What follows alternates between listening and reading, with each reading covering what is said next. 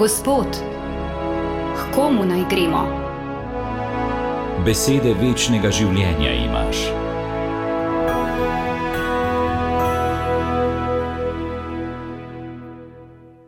Dragi bratje in sestre, dragi poslušalci in poslušalke Radia Vnišče.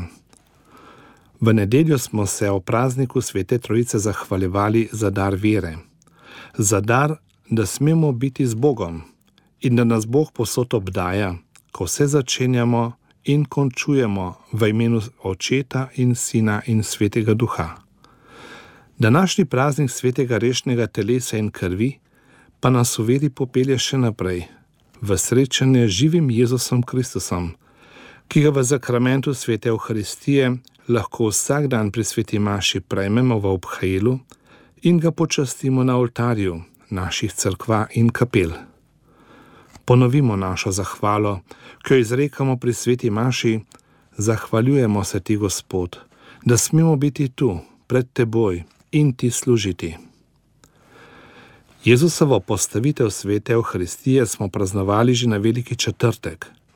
Ker je to tako velika skrivnost, jo želi crkva posebej obhajati na današnji praznik svetega rešnega telesa in krvi Jezusa Kristusa.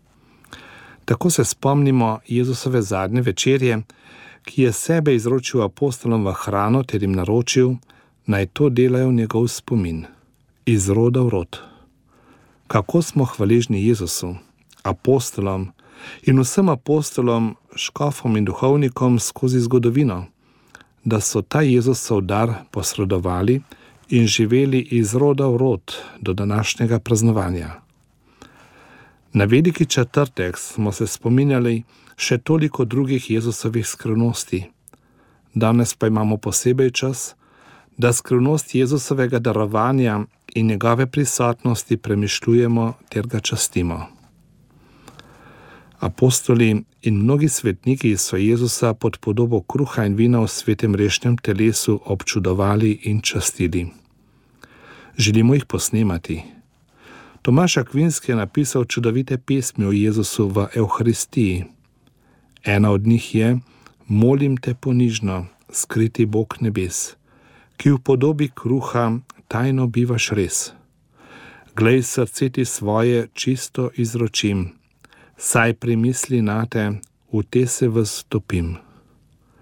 Arški župnik svet Janez Vijanej je ljudi stalno vabil k čudenju in češčenju tako velikega čudeža, kot je sveta Euharistija. Prav je, da se malo zamislimo nad tem čudežem spremenjenja pri sveti Maši in prisotnosti živega Boga Jezusa v sveti Euharistiji.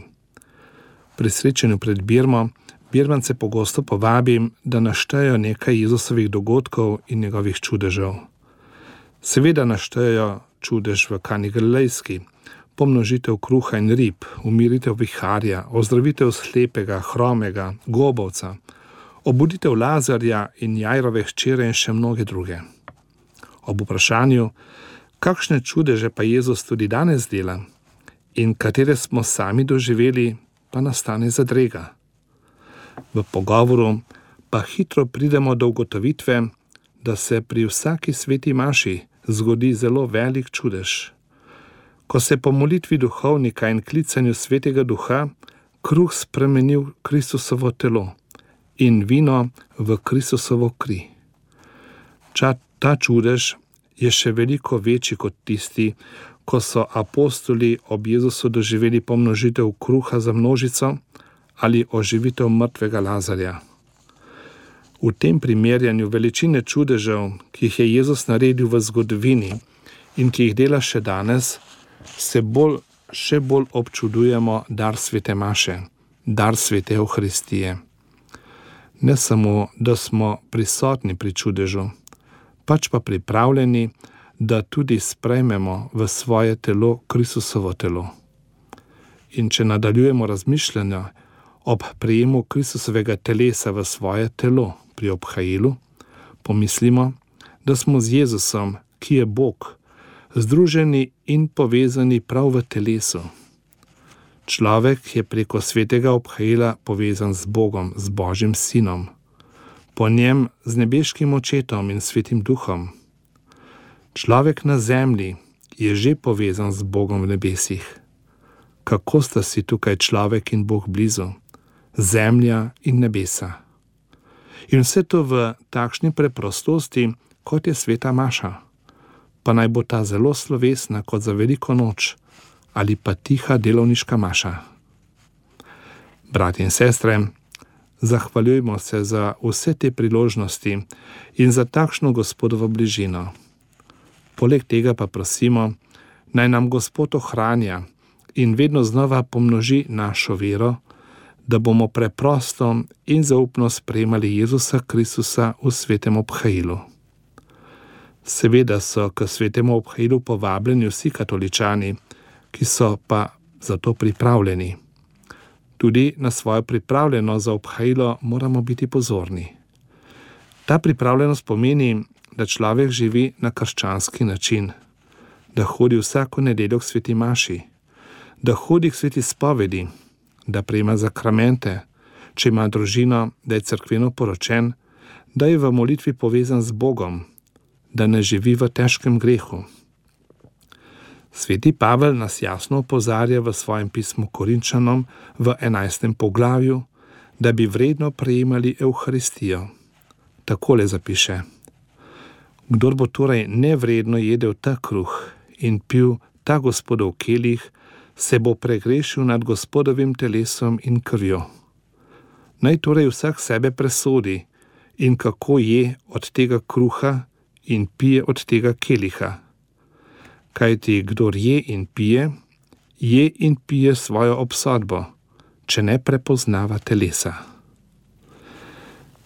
Na današnji praznik svetega rešnega telesa in krvi, ki je tudi zapovedan praznik, se bomo srečali z Gospodom na različne načine. Pri sveti Maši, potem pa tudi pri češčenju najsvetejšega, s petjem in procesijo, z blagoslovi pri štirih oltarjih.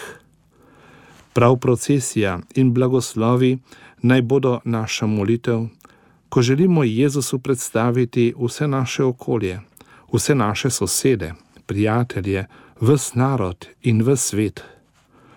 Pri oltarjih bomo poslušali evangelije ter prosili Jezusa, da bi nas varoval in blagoslavljal. Ne samo nas, pač pa vse ljudi in vse svet kako lepe so tiste prošnje pred blagoslovom, treska in hudega vremena, kuge, lakote in vojske, nagle in neprevedeni smrti, vsega hudega, reši nas, o Gospod. Daj no hrani sadove zemlje, varuj svojo crkv, da bo v miru in svobodno znanjala evangeliji. Nakloni vsem ljudem mir in edinost podeli obilje milosti našemu kraju in vsej naši domovini, prosimo te usliši nas. Pri našem češčenju, molitvah in prošnjah naj nas blagoslovi vsemogočni Bog, Oče in Sin in Sveti Duh. Amen.